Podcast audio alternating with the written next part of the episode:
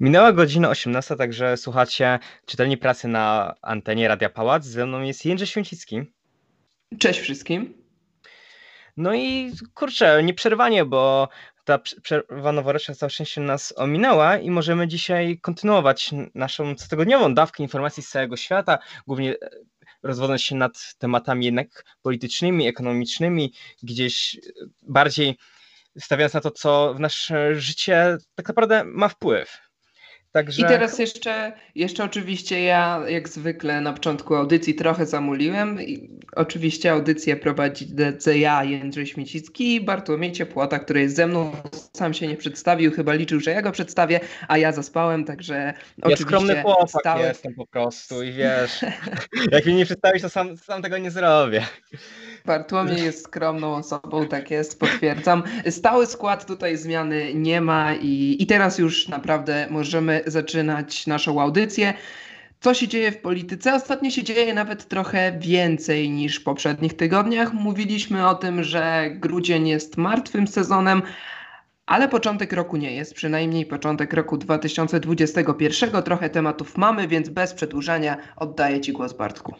Tak, może ja się nie przedstawiłem, za to z chęcią wam przedstawię, jak wygląda sytuacja ze szczepionkami w Polsce, a tutaj się troszkę działo. Z takich danych statystycznych to mamy już 670 tysięcy szczepionek w Polsce, one dopiero jakby teraz wejdą w etap dystrybucji i będą po, dostarczone do około 8 tysięcy punktów, gdzie szczepienia będą przeprowadzane. Nadal szczepiona będzie grupa 0, czyli osoby z pierwszej linii frontu.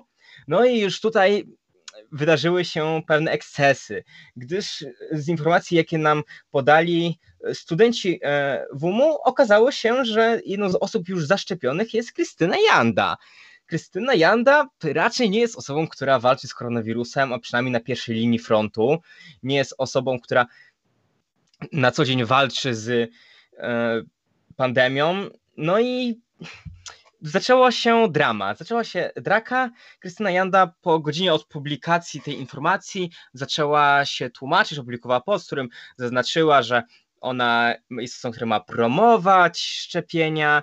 Ten post został parokrotnie modyfikowany, o czym wspomniał Jan Śpiewak, socjolog, który w tej historii jest bardzo ważny, gdyż to chyba za jego sprawą tak, tak naprawdę ta sprawa tak poszła, głośnie poszła w ogóle w świat, on nagłośnił. On tak. od właściwie kilku lat zajmuje się tym, że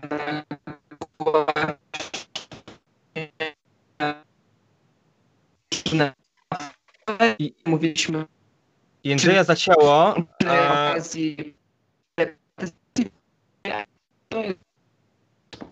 Jędrzej, Jędrzeja zacięło i chyba mam nadzieję, że mnie słyszy. E, myślę, że zaraz do nas wróci w pełnej formie. Jędrzej chciał powiedzieć mm, troszkę o jednośpiewaku, mam nadzieję, że zaraz mu się to uda. To do tego czasu ja tylko jeszcze e, zaznaczę, że oprócz słyszymy się? Jandy... O, słyszymy się, teraz już słyszymy, możesz powiedzieć. Sorry, no, nowy rok, ale stary Jędrzej stał internet tutaj, niektóre rzeczy się nie zmieniały. Ja chciałem tylko powiedzieć, że tę sprawę nagłaśnił, tak jak powiedziałeś, Janek Śpiewak, który od kilku lat zajmuje się głównie tym, że nagłaśnia różne afery, w których palce maczają politycy, ale też inni znani ludzie w Polsce.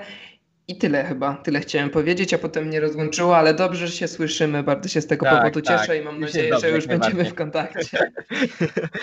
e, oprócz Krystyniandy jeszcze 17 osób e, pojawiło się na tej liście osób zaszczepionych, jednak jakby nie z tej grupy zero, to osoby jak na razie siedzą cicho, się nie wypowiadają.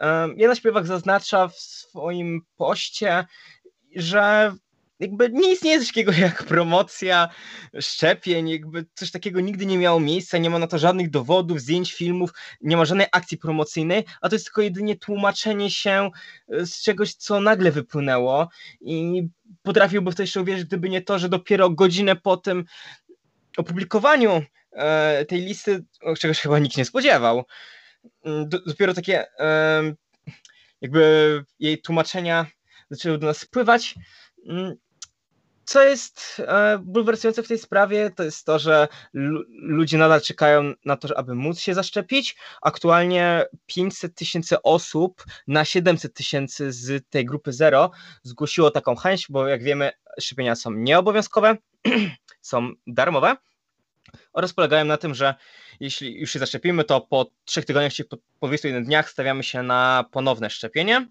i dopiero wtedy jakby jesteśmy pewni, iż ta szczepionka jest w dobrym stanie. Co do jeszcze takim jednym zdaniem, zanim tu Jędrzej zacznie mnie gonić, e, to na ten moment jedynie dwadzieścia kilka, dokładnie 28 szczepionek zostało utylizowanych. E, po internecie latają informacje, jako iż to byłoby masa szczepionek, które się nie nadają, są wyrzucone pieniądze w błoto.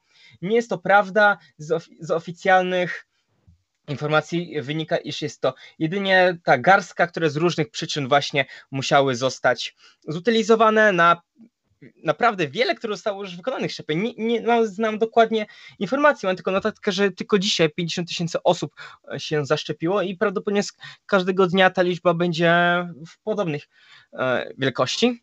Natomiast... Tak, tak, tak. Mhm. Będzie, będzie to sukcesywnie wzrastać, tego możemy być pewni.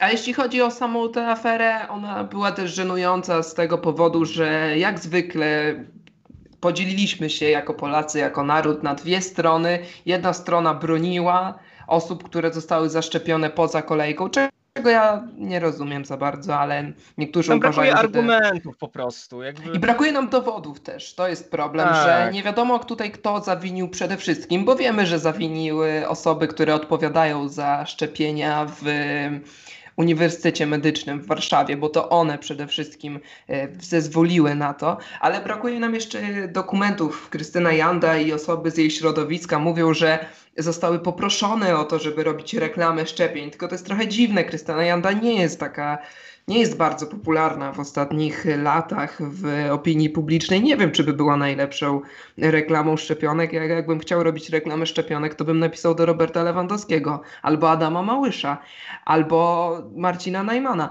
Nie wiem, napisałbym do kogoś takiego, ale nie, nie pisałbym raczej do Krystyny Jandy. To się wydaje takie wszystko takie, takie to jest naginanie trochę prawdy, ale trudno nam coś powiedzieć, bo nie ma żadnych dowodów. Tak czy siak mamy kolejną aferę i tu mamy taką kłótnię.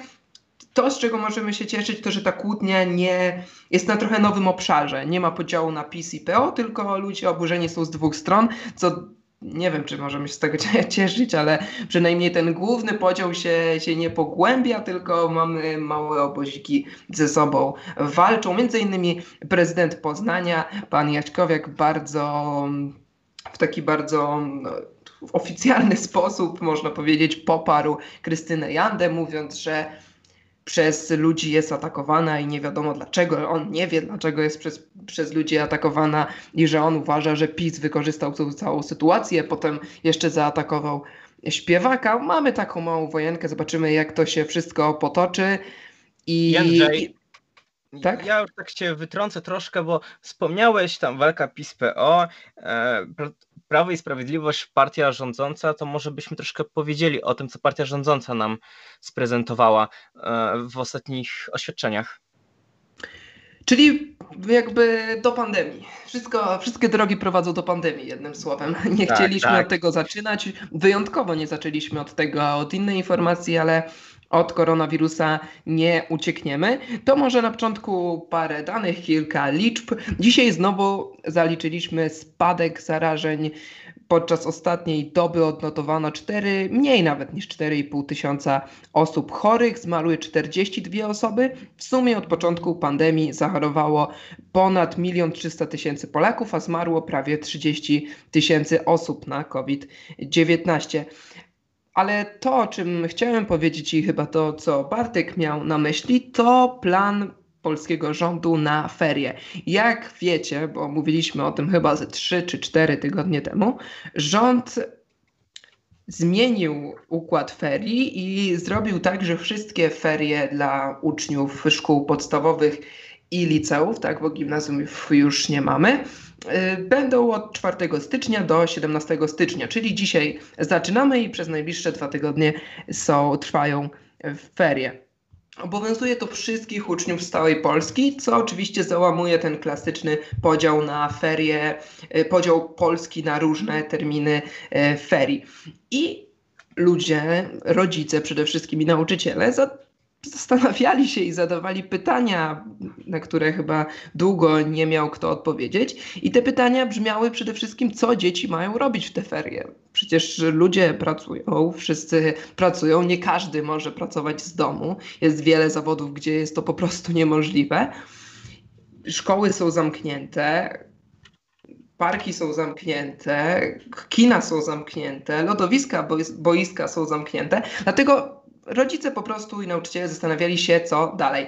I z odpowiedzią wreszcie po kilku tygodniach przyszedł minister Adam Niedzielski, który powiedział, że na czas ferii zostanie zniesiony zakaz przemieszczania się osób niepełnoletnich czy osób poniżej 16 roku życia, bo był, bo może o tym nie wiecie, do teraz obowiązuje prawo, że osoby od 8 do 16 lat nie mogą poruszać się po mieście bez bez osoby, które, bez opiekuna, tak, tak to nazwijmy, bez opiekuna. Ten zakaz zostanie zniesiony, co oznacza, że dzieci przede wszystkim w wieku 14, 13, 16 lat będą po prostu mogły wychodzić z domu. To są osoby, myślę, że jak my byliśmy w tym wieku, to już chodziliśmy bez opiekunów, więc to będzie całkowicie normalne.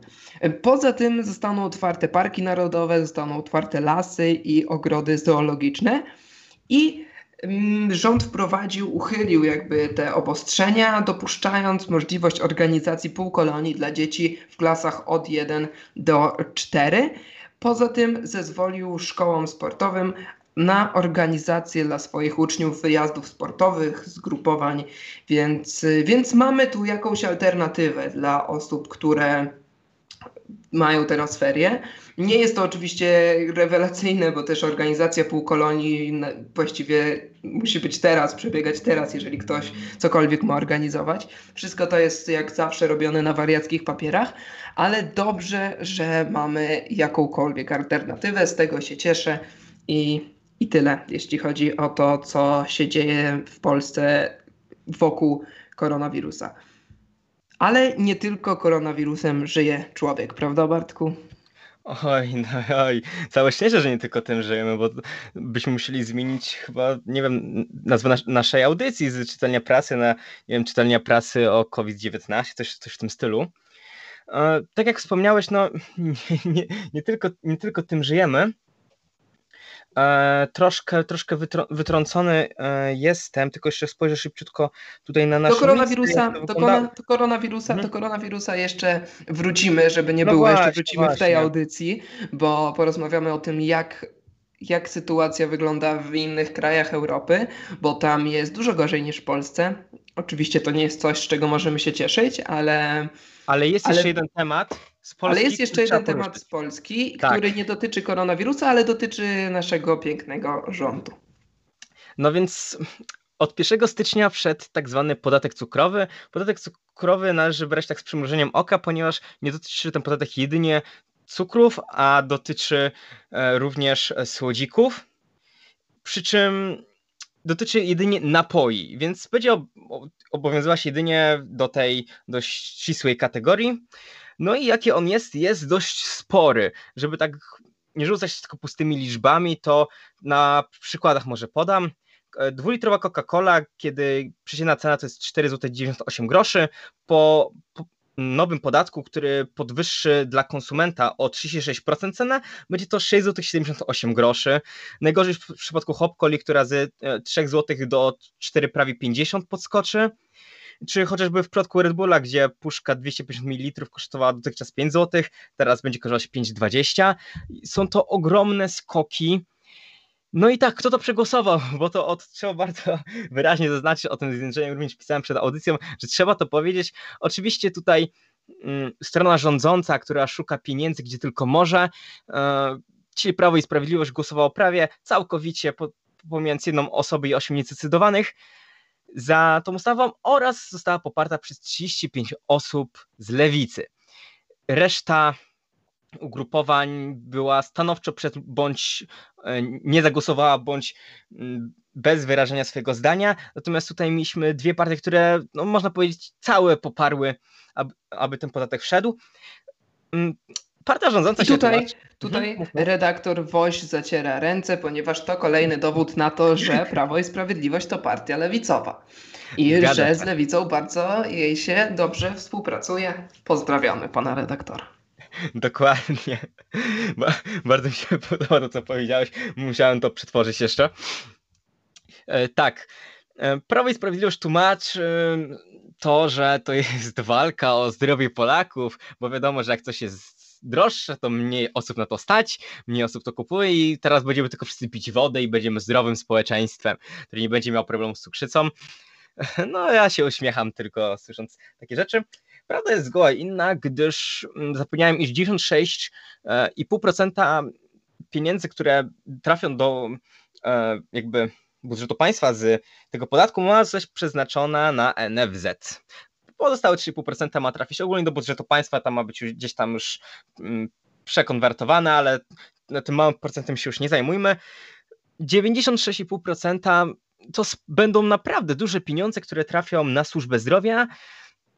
Z jednej strony można powiedzieć, hej, dobrze, wspierajmy służbę zdrowia, tylko czy trzeba w taki sposób, czy na pewno to nie jest troszkę przyznanie się do tego, że hej, mieliśmy tyle czasu, żeby przygotować się do drugiej fali COVID-19, a nagle w popłochu e, przepychamy ustawę, przegłosowujemy ją, żeby tylko jakieś pieniądze zdobyć, bo chyba jednak nie jest tak, że ten wirus jest w odwrocie, może jednak nie jest tak kolorowo, jak się partii rządzącej wydawało, i nie wiem, czy coś jeszcze chcesz powiedzieć. Dołożę ja chcę powiedzieć, że znowu wszystkie drogi prowadzą do wirusa. Rozmawiamy o podatku, a dalej przechodzimy do wirusa. Ja bym jeszcze tutaj zwrócił uwagę na drugą rzecz, na to, że lewica pokazuje, że chce realizować swoje postulaty i że nie jest platformą obywatelską, to znaczy nie jest opozycją totalną, że w momencie, w którym wchodzi. Tak, tak, tak, że w momencie, w którym wchodzi ustawa, która im się podoba, to, to po prostu tę ustawę popierają, a nie wetują, ponieważ czy tam głosują przeciwko, ponieważ jest zaproponowana przez PiS. I tutaj za to bym chyba pochwalił lewicę jako ogólnie taki ruch. Nie wiem, czy się z tym podatkiem zgadzam, czy nie, chociaż myślę, że jestem mniej sceptyczny co do niego niż ty, ale ale sam taki ruch jest dla mnie dobry. Ja nie lubię czegoś takiego jako pozycja totalna i uważam, że politykę można prowadzić na jakimś tam poziomie i, i jestem zadowolony po prostu. Myślę, że tu można ich za to pochwalić. Tyle jeśli chodzi o podatek cukrowy. Myślę, tak. że tu się zgodzimy i tyle jeśli chodzi o najważniejsze wydania, wy, wydarzenia z Polski. Do nich będziemy wracać oczywiście za tydzień, bo wszystko to może się rozwijać. Będą nowe afery, nowe wydarzenia, nowe ustawy i tak dalej, i tak dalej. Do tego wszystkiego wrócimy, ale teraz spójrzmy na to, co się dzieje za granicą i zacznijmy może od Wielkiej Brytanii, skoro ja już zabrałem głos, skoro już tak mówię, skoro się rozkręcam, to to pociągnę po prostu no, ja swój nie mam ulubiony wy temat. innego wyboru niż tutaj przekazać Ci głos i potem patrzeć, aby go odzyskać więcej. Nie, no dam ci, oddam ci ten głos za kilka minut, ale to za kilka minut. Wielka Brytania o niej mówiłem dużo w tych naszych świątecznych, okołoświątecznych audycjach, ponieważ e, jak w innych krajach było dosyć cicho, przedstawiciele krajów pojechali do domów i świętowali Boże Narodzenie, tak w Wielkiej Brytanii praca podczas świąt i podczas Nowego Roku była bardzo intensywna, ponieważ 1 stycznia oficjalnie Zjednoczone Królestwo przestało być częścią Unii Europejskiej. Właściwie przestało być już wcześniej, ale skończył się ten, ten um, okres przejściowy, tak, tak to jest nazwane, musiałem się zastanowić. Niestety w polskich mediach jest bardzo mało informacji o Brexicie i czytam tylko i wyłącznie angielskie i przez to czasami mam tłumaczenia w głowie, mi się zacinają, ale tak, okres przejściowy. Skończył się okres przejściowy. Jak w ogóle sytuacja obecna w Wielkiej Brytanii jest oceniana przez Brytyjczyków? Tutaj na pomoc przychodzą nam sondaże, które pokazują, że zdecydowana większość Brytyjczyków chciała, żeby ten deal był zatwierdzony, żeby nie żeby okres przejściowy nie był przedłużony i żeby już nareszcie skończyć ten, ten wydawałoby się nies nieskończony proces wychodzenia Wielkiej Brytanii z Unii Europejskiej, który, przypominam, trwał prawie 5 lat, bo referendum było w 2016 roku. Ale tutaj nie ma dobrej informacji dla partii konserwatywnej, ponieważ sam już ten deal jest oceniany dosyć negatywnie przez Brytyjczyków. Mniej niż 50% mieszkańców Zjednoczonego Królestwa uważa, że ten deal nie jest dobry. Czyli mamy taką sytuację, że większość chce, żeby ten deal przeszedł, po prostu, żeby już mieć go z głowy, żeby już rozpocząć nowy rozdział w historii ich kraju, ale nie do końca uważają, że ten deal jest dobry. Deal przeszedł, Wielka Brytania wyszła z Unii Europejskiej i zostały podpisane punkty, o których mówiłem w ostatniej audycji i do niej odsyłam, bo teraz nie mamy czasu, żebym znowu o nich mówił. Mimo tego, że ten deal jest średnio oceniany przez ludzi, to jednak w sondażach widać duży wzrost poparcia dla konserwatystów, którzy Gdyby teraz odbywały się wybory, mogliby liczyć na 43% poparcia, o 6% więcej niż w ostatnich sondażach, niż w sondażach, które były przed zawarciem dealu, co pokazuje, że po prostu większość Brytyjczyków chciało, żeby Boris Johnson to zrobił. I jak on to zrobił, to oni są zadowoleni i nawet przymykają oko na to, że sobie Wielka Brytania średnio radzi z pandemią. Drudzy w sondażach są oczywiście laburzyści. Partia Pracy może liczyć na 38% poparcie. To, co jest ciekawe, to to, że ogromny spadek zaliczyła E, partia Liberalnych Demokratów, czyli partia, jedyna angielska partia, która sprzeciwiła się dealowi.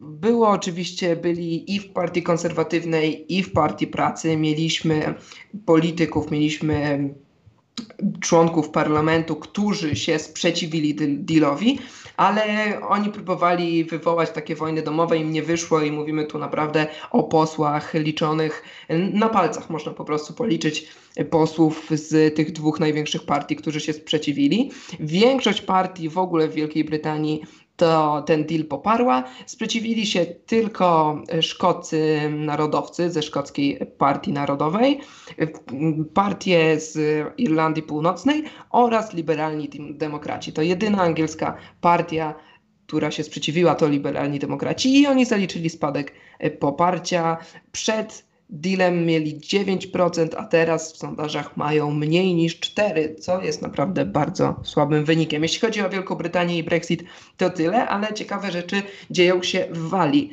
Wspominałem o tym nieraz, że zbliżają się wybory do szkockiego parlamentu, ale nie mówiłem o tym, że zbliżają się też wybory do Senedu, tak mówiąc w języku polskim, czyli do walijskiego parlamentu, a właściwie zgromadzenia, ponieważ nazywa się Assembly, nie parlament. Ale na, na polskie to by był taki parlament, powiedzmy. Te wybory mają się odbyć 6 maja i nie są bardzo komentowane w mediach zagranicznych, ponieważ nie są bardzo ważne. Stawką tych wyborów nie jest niepodległość. Walia i tak pozostanie w Zjednoczonym Królestwie i w ogóle walijscy waliscy politycy współpracują z angielskimi, współpracują z Londynem, więc tutaj nie ma afer, więc media o tym nie piszą. Tak czy inaczej, obecny premier Walii, Mark Drakeford, polityk Partii Pracy, chce przygotować prawo pozwalające na przeniesienie tych wyborów o pół roku w związku z pandemią, czyli chciałby, żeby odbyły się pod koniec roku 2021. Obecne prawo pozwala na przeniesienie wyborów tylko o miesiąc, dlatego on chce poprawkę przygotować, żeby wybory dało się e, przestawić. Jeśli chodzi o sam ten parlament, parlament walijski składa się z 29 posłów z Partii Pracy, e, jednego niezależnego, właściwie mówię o rządzie teraz, rząd walijski składa się z 29 laburzystów, jednego niezależnego posła i jednego liberalnego demokraty, a opozycja z 11 konserwatystów, 10 walijskich na, nacjonalistów i ośmiu posłów z niezależnych lub z mniejszych partii. Mówię to, żeby pokazać, że ten parlament jest bardzo malutki, że jest opanowany przez partie ogólnobrytyjskie i, i że tu nie mamy większych emocji. Właściwie nie dotarł, aby w ogóle byśmy o walijskim parlamencie nie mówili w tej audycji, gdyby nie to, że chcą go przenieść i, i, i sam fakt przeniesienia go pokazuje, że w przeciwieństwie do Polski, Wielka Brytania jest w bardzo słabej sytuacji, nawet bym powiedział fatalnej, jeśli chodzi o koronawirusa. Dziś o 21 czasu polskiego odbędzie się, wygłosi właściwie orędzie Boris Johnson w sprawie mm, koronawirusa, ale przede wszystkim w sprawie tego nowego szczepu, nowego, nowej odmiany wirusa, który jest jeszcze groźniejszy niż ten, którego, który był, którego znaliśmy, którego poznaliśmy w marcu czy, czy w lutym zeszłego roku. Jak mówi brytyjski minister zdrowia Matt Hancock, strategia, którą obrały władze Wielkiej Brytanii, nie zadziałała. Podział Wielkiej Brytanii na strefy nie zadziałał i najprawdopodobniej cała Wielka Brytania zostanie zamknięta i będziemy mieli pełen lockdown, taki sam jak w marcu. Na taki ruch już zdecydowała się Szkocja. Premierka Szkocji Nicola Sturgeon powiedziała, że od północy dzisiaj do końca stycznia całkowity lockdown, zakaz przemieszczania się, zamknięte restauracje, bary, wszystko. Więc y, mówimy w Wielkiej Brytanii naprawdę o tragicznej sytuacji. My, tak powtórzę jeszcze raz, sobie nie zdajemy z tego sprawy, ponieważ w Polsce jest, można powiedzieć, coraz lepiej. Szczepionki nam dały nadzieję. A, a w Wielkiej Brytanii, mimo że szczepionek jest więcej, mimo że wydaje się, że cały system szczepień jest bardziej zorganizowany, to jednak sytuacja jest fatalna i do końca stycznia Wielka Brytania najprawdopodobniej będzie zajęta, co jest zamknięta, co jest ważnym, ważną informacją dla, dla Polaków, którzy tam pracują, wracają teraz po świętach, czy dla studentów, którzy też e, chcieliby tam wrócić, ale najprawdopodobniej nie będą mogli. Ważne pytanie jest teraz takie, czy Bartłomiej Ciepłota nie zasnął podczas mojego monologu? Skądże? Jędrzej, czytanie prasy bez jakby mm, chociaż 5-10 minut, które nie stałyby poświęcone Wielkiej Brytanii, to nie byłaby czytelnia prasy. Ja bym musiał wnioskować wtedy o zmianę tytułu tej audycji. Są pewne elementy, które się zmieniać nie mogą po prostu. I to jest jeden z nich. Mm, nie wiem, czy chcesz jeszcze dalej kontynuować, czy już. Nie, nie, nie, nie, nie, nie. Bardzo, bardzo mi miło, jeśli chodzi o obecność. Wielką, Wielką Brytanię, to wyczerpaliśmy temat, ale mm, tak już mówiąc całkowicie serio, podkreślam jeszcze raz, tam sytuacja jest, jest straszna, naprawdę. I, I to jest niesamowite, bo w Europie ta pandemia w miarę postępowała podobnie w różnych krajach, prawda? Mieliśmy bardzo słabą sytuację na początku w Włoszech, ale potem jakoś to nie mieliśmy takich różnic, a w tym momencie Wielka Brytania jest w strasznej sytuacji i oby ten nowy szczep, ten nowy wirus nie dotarł po prostu do Polski. Więc jeżeli macie znajomych z Wielkiej Brytanii, to powiedzcie im, żeby na razie tam siedzieli i nie myśleli o powrocie do Polski. Wydaje mi się, że jak już mm, jakby tutaj przyszliśmy tak płynnie z Polski do Anglii, to teraz równie płynnie przepłyniemy do Ameryki. Też ci się tak wydaje, Andrzej? Oczywiście, że tak. Myślę, że to jest bardzo dobra droga. Z Polski do Anglii, a potem do Ameryki. Pięknie, wszystko się składa komunikacyjnie. Wszystko się składa komunikacyjnie. Mm, w Ameryce parę się rzeczy działo, natomiast chyba na taką największym skandalem, o którym warto powiedzieć, je, są tak zwane taśmy Trumpa, nowe taśmy Trumpa, już trochę ich było w zeszłym roku, w ubiegłym 2020. Tym razem Donald Trump, rozmawiając z senatorem e, stanu Georgia, e, naciskał na to, aby on znalazł tylko 11 780 głosów, które dałyby mu w tym stanie zwycięstwo, co mogłoby odmienić stanowczo wynik wyborów. E, przy okazji zaznaczał, że mm, odmawiając mu może jest dla niego duże ryzyko, jakby to są groźby, są miłymi słowami, ale to są groźby, nie przystoi na pewno nikomu ważnemu w polityce, e, pomijając w ogóle całą sytuację, pomijając to, że nakłania kogoś do znalezienia, co możemy odbierać jako prośby o sfałszowanie wyborów, to jeszcze w momencie, kiedy jest się prezydentem potęgi światowej, jaką są Stany Zjednoczone, e, nagranie opublikował jeden z serwisów.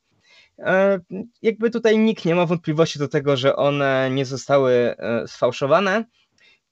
Donald Trump jakoś tak nie, nie wypowiedział się jeszcze na ten temat, jeszcze jakiegoś takiego statementu w tej sprawie nie mamy. Natomiast no, jest to z pewnością nieprzychylne dla niego, szczególnie, że już i tak przegrał wybory, i tak 20 stycznia odbędzie się zaprzysiężenie e, Bidena. Mm, jest to po prostu kompromitujące. Kompromitujące. Tak mówiąc tak. prosto, takie porównanie tutaj do pajaca jest według mnie adekwatne i nie nadwyrost. Nie wiem, jeszcze zaraz mamy, jutro już y, mamy wybory uzupełniające w Georgii, o których też zaraz powiemy kilka słów. I Donald Trump trochę robi taką antyreklamę swoim y, współpracownikom z Partii Republikańskiej. Bardzo to źle wszystko wygląda i nie wiem, nie widzę, nie widzę w tym sensu. To jest takie trochę jak z filmu jakiegoś, czy, czy z kabaretu. Tak, tak. Niesamowite, bo jakby Trump przecież mimo wszystko, mimo tego, co mówiły liberalne media przez ostatnie 4 lata, to Trump tak naprawdę nie był aż takim złym prezydentem. Zrobił naprawdę wiele rzeczy dobrych dla Stanów Zjednoczonych, usprawnił gospodarkę. I, I to nie było tak, że on był taki Mister Disaster. No aż tak nie było. A, a to, Końcówkę co może robi... kadencji miał nieudaną, szczególnie jego walka z koronawirusem, która no już wiele razy omawialiśmy na tak, antenie tak, tak, tak, pracy, że ja, ja nie mówię, ja nie mhm. mówię, że on był idealnym prezydentem, tak, tak ale nie, był aż takim, jak teraz wygląda. Argumentów za nie, to ja tak chciałem skonfrontować, to tak drugą stronę też pokazać.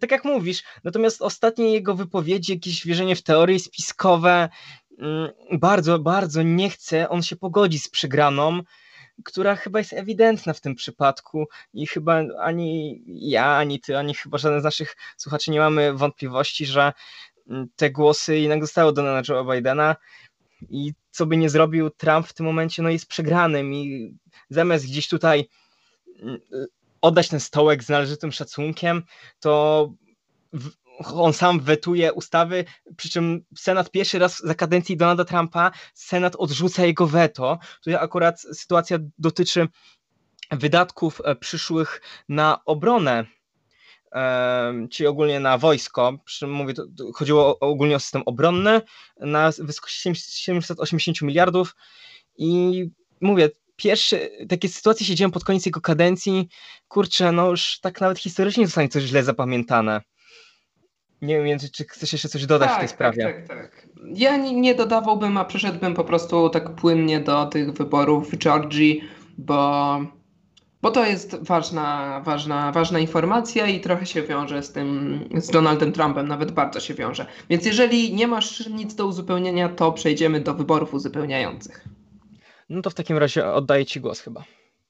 Wybory uzupełniające w Stanach Zjednoczonych odbędą się już jutro. Dlaczego te wybory się odbywają? Ponieważ w listopadowych wyborach do Senatu żaden z kandydatów nie przekroczył wymaganych 50%, więc wybory odbywają się jeszcze raz.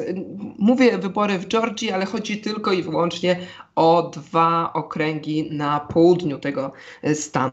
Dlaczego to jest ważne? Ponieważ obecnie w, w Izbie, nie w Izbie Reprezentantów, w Senacie mamy 50 republikanów i 46 demokratów i dwóch niezależnych senatorów, którzy zwykle popierają demokratów. Jeżeli więc republikanie wygrają w tych wyborach, to będą mieli zdecydowaną większość i będą mogli dalej rządzić tak naprawdę, albo przynajmniej próbować rządzić, walcząc przez cały czas z nowym prezydentem, demokratą Joe Bidenem. Jeżeli z kolei wygrają demokraci, to doprowadzą do tego, że republikanie nie będą mieli przewagi w Senacie, co z kolei da głos, ponieważ jeżeli sytuacja Prawo w Stanach Zjednoczonych jest takie, że jeżeli sytuacja w Senacie jest, jest taka, że 50 50 senatorów ma jedna partia i 50 ma druga, to ostateczny głos należy do wiceprezydenta. Więc jeżeli demokraci wygrają te uzupełniające wybory, to głos ostateczny będzie miała wiceprezydentka Kamala Harris. To chyba tłumaczy, dlaczego te wybory są bardzo ważne. Po prostu one są o to, czy Joe Biden i Kamala Harris będą mogli rządzić w, w najbliższych miesiącach, czy najbliższe dwa lata upłyną nam na ciągłą walkę pomiędzy Senatem opanowanym przez Republikanów i prezydentem y, i, prezyd i wiceprezydentką, którzy są z partii demokratycznej. Stwierdziłem, że skoro mamy czas teraz, ponieważ jeszcze kilka minutek mamy, to Jeszcze przedstawię... E, jedną e, anegdotkę, zanim tam przejdziesz dalej. Jasne. Chciałem powiedzieć, nie wiem w którym momencie, powiedzmy, że to jest odpowiedni moment, o, o tyle ciekawe, że tylko i wyłącznie na te wybory, które są powiedzmy sobie, może nie w znaczeniu, ale w samej wielkości są no, dość małe. Jeśli chodzi o osoby, które będą uprawnione do głosowania, to i tak na reklamę ich wydano 300 milionów dolarów a na to, aby jakby zachęcić tych ludzi do głosowania. Są to ogromne pieniądze i to tylko tak podkreśla troszkę, jaką wartość naprawdę ma wynik, który wpłynie do nas w najbliższych dniach. Tak, dokładnie. Dziękuję Ci bardzo za te, te dane, bo to prawda, to idealnie pokazuje, jak ważne są te wybory dla obu partii. Wszystkie też sondaże i badania wskazują na to, że będziemy mieli rekordową frekwencję. I mimo tego, że przecież panuje pandemia, ale, ale można głosować korespondencyjnie i, i wygląda... jest w odwrocie, wirus jest w odwrocie, choć już wszyscy na wybory. tak. Dobrze, już wystarczy tego, zostawmy pana Morawieckiego. Nie, wracając do tych kandydatów, stwierdziłem, że o nich powiem kilka słów, ponieważ oni dobrze oddają to, po prostu ich partie. Oni reprezentują swoje partie, naprawdę. I, I pokazują, są takimi idealnymi przykładami kandydatów z partii demokratycznej i republikańskiej. Zacznijmy od tej drugiej i od pierwszego okręgu, w którym naprzeciwko sobie wystartują David Perdue i John Ossoff. E, jeśli chodzi o Perdue, to jest 70-letni biznesmen, były prezes Reeboka, jest oczywiście multimilionerem i jest obecnym senatorem, walczy w tym momencie o reelekcję, więc Bartek, jak myślisz, którą partię reprezentuje pan David Perdue? O kurczę, takie pytanie. Mówimy o milionerze, mówimy o obecnym senatorze, milionerze, byłym prezesie Reeboka. Kurczę, mm, jakby podając mi takie tutaj argumenty, troszkę mnie tutaj e, chcesz chyba naprowadzić e, na demokratów, chyba że się mylę. Nie, republikanów właśnie, na Donalda Trumpa. E, to taki szybki, nie, oczywiście e, Wartek nie musiał o tym wiedzieć, tak sobie, to jest taki może mój przytyk w stronę partii republikańskiej, bo mówimy o panu, który ma 70 lat i reprezentuje taką mhm. stałą, starą, konserwatywną, stary konserwatywny blok. Po drugiej stronie mamy demokratę 30-latka, który, który, którego popierają środowiska, które zajmują się walką o prawa człowieka. John Ossoff przed tym, jak wstąpił do partii demokratycznej, pracował jako twórca filmów dokumentalnych. Jest takim bardzo nowoczesnym kandydatem, który kampanię wyborczą prowadzi obecnie przez Snapchata i przez TikToka i wpakował w to mnóstwo pieniędzy. W przeszłości współpracował z innymi kongresmenami Partii Demokratycznej i naprawdę jest takim powiewem świeżości, jeśli chodzi o sposób prowadzenia polityki. A właśnie pan Dawid Perdziu, były prezes Riboka, jest konserwatystą, republikanem i... Widzisz, a ja myślałem, że chcesz mnie właśnie błędnie naprowadzić tutaj, że nagle powiesz, a jednak nie, a jednak nie republikan. A tu jednak nie, nie republikanin, tak? Republikanin. Republikanin nie tak, było. tak, tak. tak. um, drugi, okręg, drugi okręg też jest bardzo podobny. Po jednej stronie jest Kelly e, Loafer, ona jest tak zwaną junior senator, czyli do Senatu weszła w 2019 roku, zastępując innego senatora, który zrezygnował. W polityce jest stosunkowo od niedawna. Obecny urząd, który sprawuje, jest jej pierwszym poważnym urzędem w karierze politycznej. Jest też jedną z najbogatszych osób zasiadających w Senacie, co jest ciekawe, bo jest kobietą, a zwykle ci bogatsi to mężczyźni. Tutaj mamy takie przełamanie stereotypów. Oprócz tego jest właścicielką Atlanta Dream, czyli zespołu żeńskiego w, w żeńskiej NBA i jest dużą przeciwniczką ruchów Black Lives Matter. Oczywiście startuje z list partii republikańskiej. Z kolei kandydat partii demokratycznej to pastor, założyciel New Georgia Project, czyli takiej organizacji zajmującej się prawem do głosowania.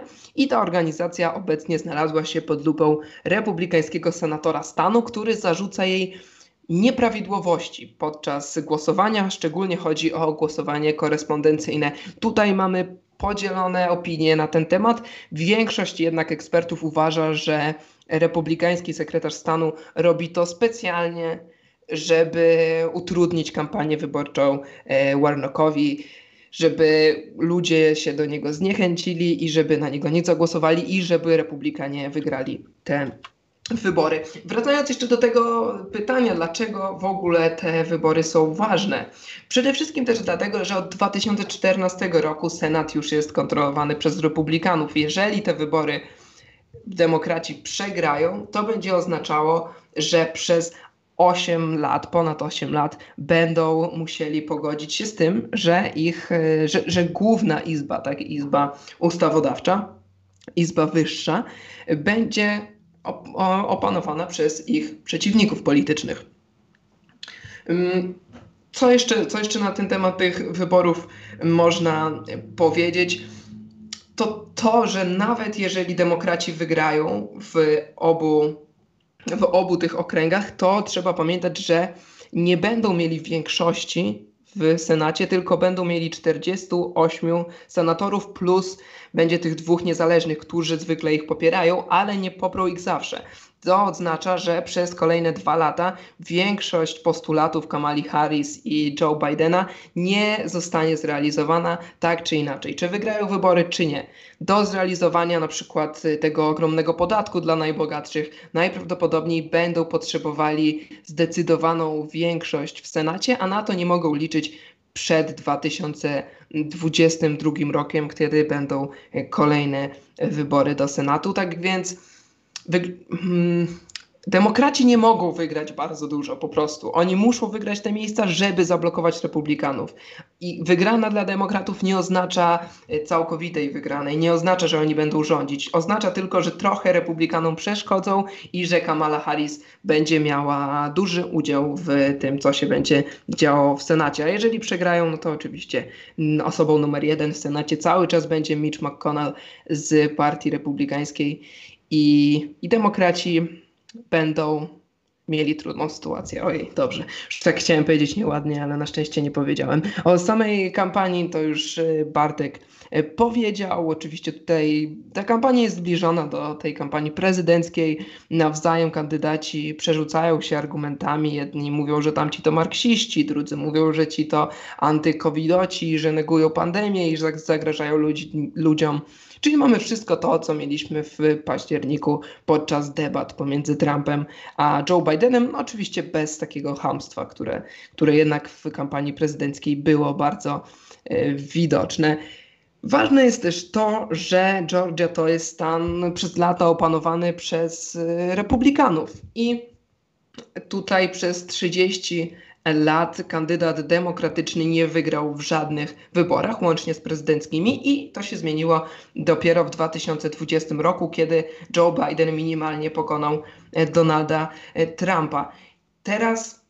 Mm, to jest takie właśnie, demokraci sobie zadają pytanie, czy można kolejny raz wygrać wybory w tym stanie, bo jednak to jest taki swing state, to jest state, w którym, stan, w którym nie mamy określonego elektoratu, nie mamy większości żadnego z kandydatów, dlatego po prostu może być ciekawie. Przez lata tutaj wygrywał, wygrywali republikanie, ale jak wiadomo, po wygranej Trumpa trochę republikanom poparcie spada, więc zobaczymy, jak to będzie wyglądało, czy wygrają jedni, czy drudzy. Sondaże wskazują minimalną przewagę demokratów w obu okręgach, ale, ale te sondaże zmieniają się co chwila, więc, więc jeżeli tutaj ktoś wygra, to naprawdę minimalną przewagą będziemy, będzie to po prostu bardzo ciekawe. Już wszystko się rozstrzygnie jutro, czyli we wtorek, 5 stycznia, a o wynikach porozmawiamy na pewno w audycji za tydzień. I tutaj stawiam kropkę, śledźcie to, bo to naprawdę jest bardzo ważne. Mam nadzieję, że to jakoś, jakoś zobrazowałem. Tak, wydaje mi się, że ująłeś to najwłaściwsze słowa. Wydaje mi się, że już mogę przejść tutaj do Azji i zabrać chwilę głosu, chyba że chcesz jeszcze powiedzieć. Nie, nie, nie, to, nie, nie, nie, to, to właśnie, właśnie kończyłem na tym, na tym, że te wybory są bardzo ważne. No to tak, przejdźmy na chwilę do Azji. W dosłownie telegraficznym skrócie co tam się działo, ponieważ parę się rzeczy wydarzyło, natomiast trzeba jedynie je zaznaczyć i myślę, że nie będę się nimi dłużej rozwodził. To, no więc tak, Chiny i Korea Południowa troszkę się znowu tutaj mm, przecierają się, tutaj sobie trochę dokuczą, jak to robią od lat. Tym razem sprawa jest troszkę bardziej poważna, iż i z tej, i z tej strony zaczęli wykupywać ziemię, pobliskie ich takim terenom wojskowym za bardzo dobre ceny, więc ludzie chętnie je sprzedają. Mm, jakby to są prywatne osoby, które sprzedają władzom te ziemię, oni nie są w żaden sposób tego nakłaniani, oni po prostu cenę, która mi się opłaca.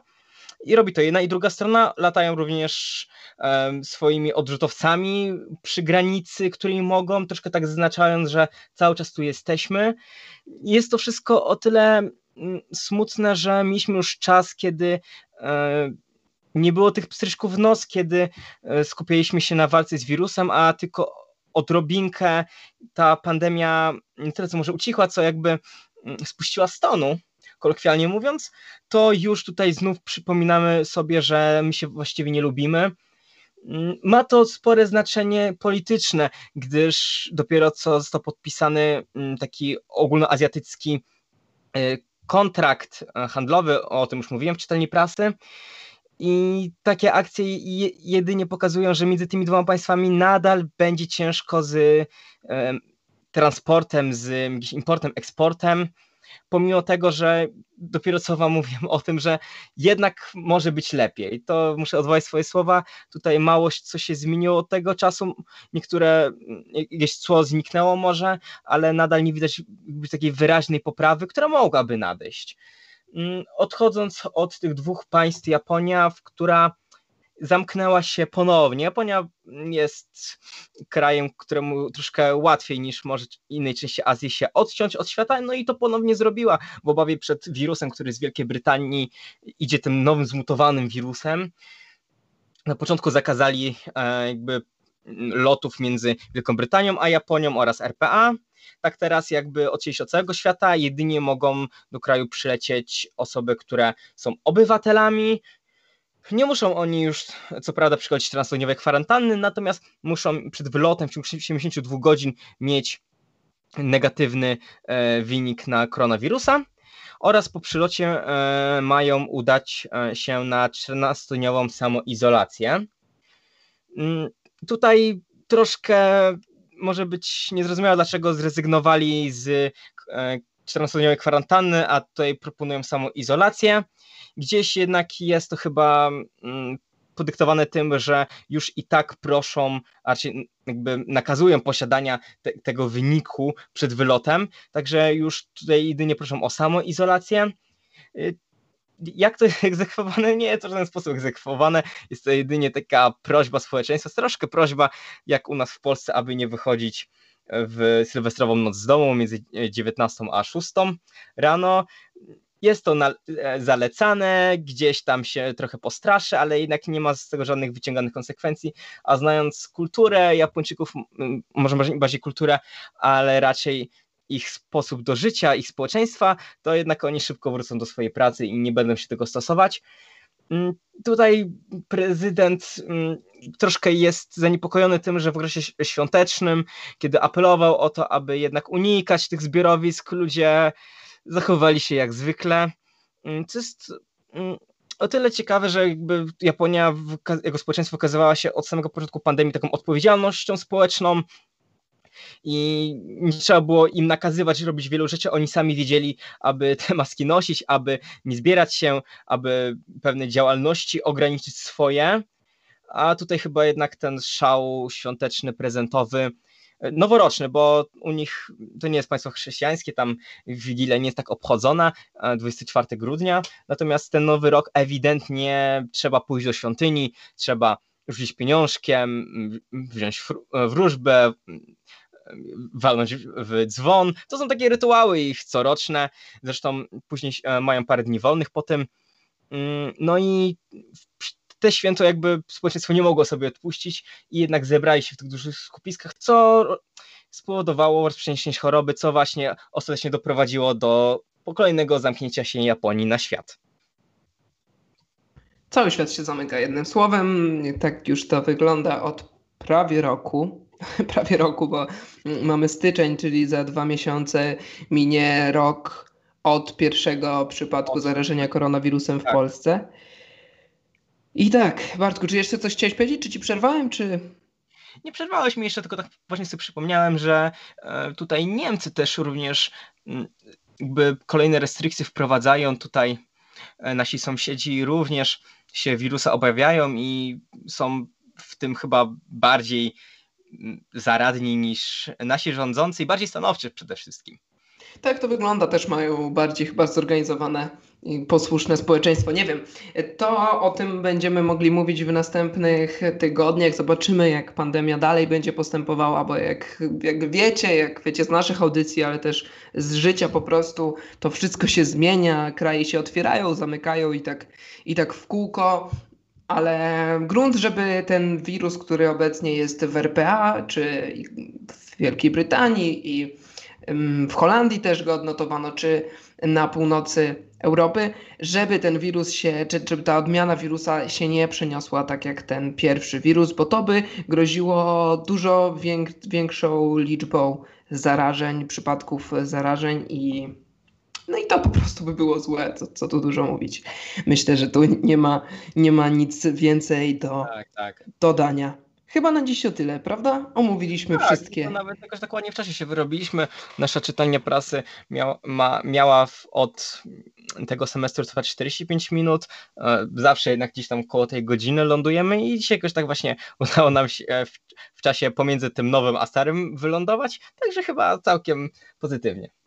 Tak, całkiem pozytywnie, chociaż informacje średnio pozytywne, ale ale mam nadzieję, to jest w ogóle pierwsza nasza audycja w nowym roku. Mamy nadzieję, że w nowym roku będzie więcej pozytywnych informacji. Zbliżają się wybory w wielu krajach, a, a za to w Polsce mamy spokój, więc to już jest pierwsza informacja pozytywna. Oby coraz więcej takich pozytywnych, takich pozytywnych informacji do nas docierało. Będziemy starali się mówić o coraz więcej rzeczy, po których będziecie się uśmiechać, niż takich, po których popadniecie. Będziemy się starać za dumę. Będziemy się starać. No, tyle mogę obiecać. Tyle mogę tak Samo, tak samo starać się jak najlepiej realizować nasze audycje będzie Krzysztof Olesiewicz, któremu dziękujemy za realizację dzisiejszej audycji oraz każdej poprzedniej.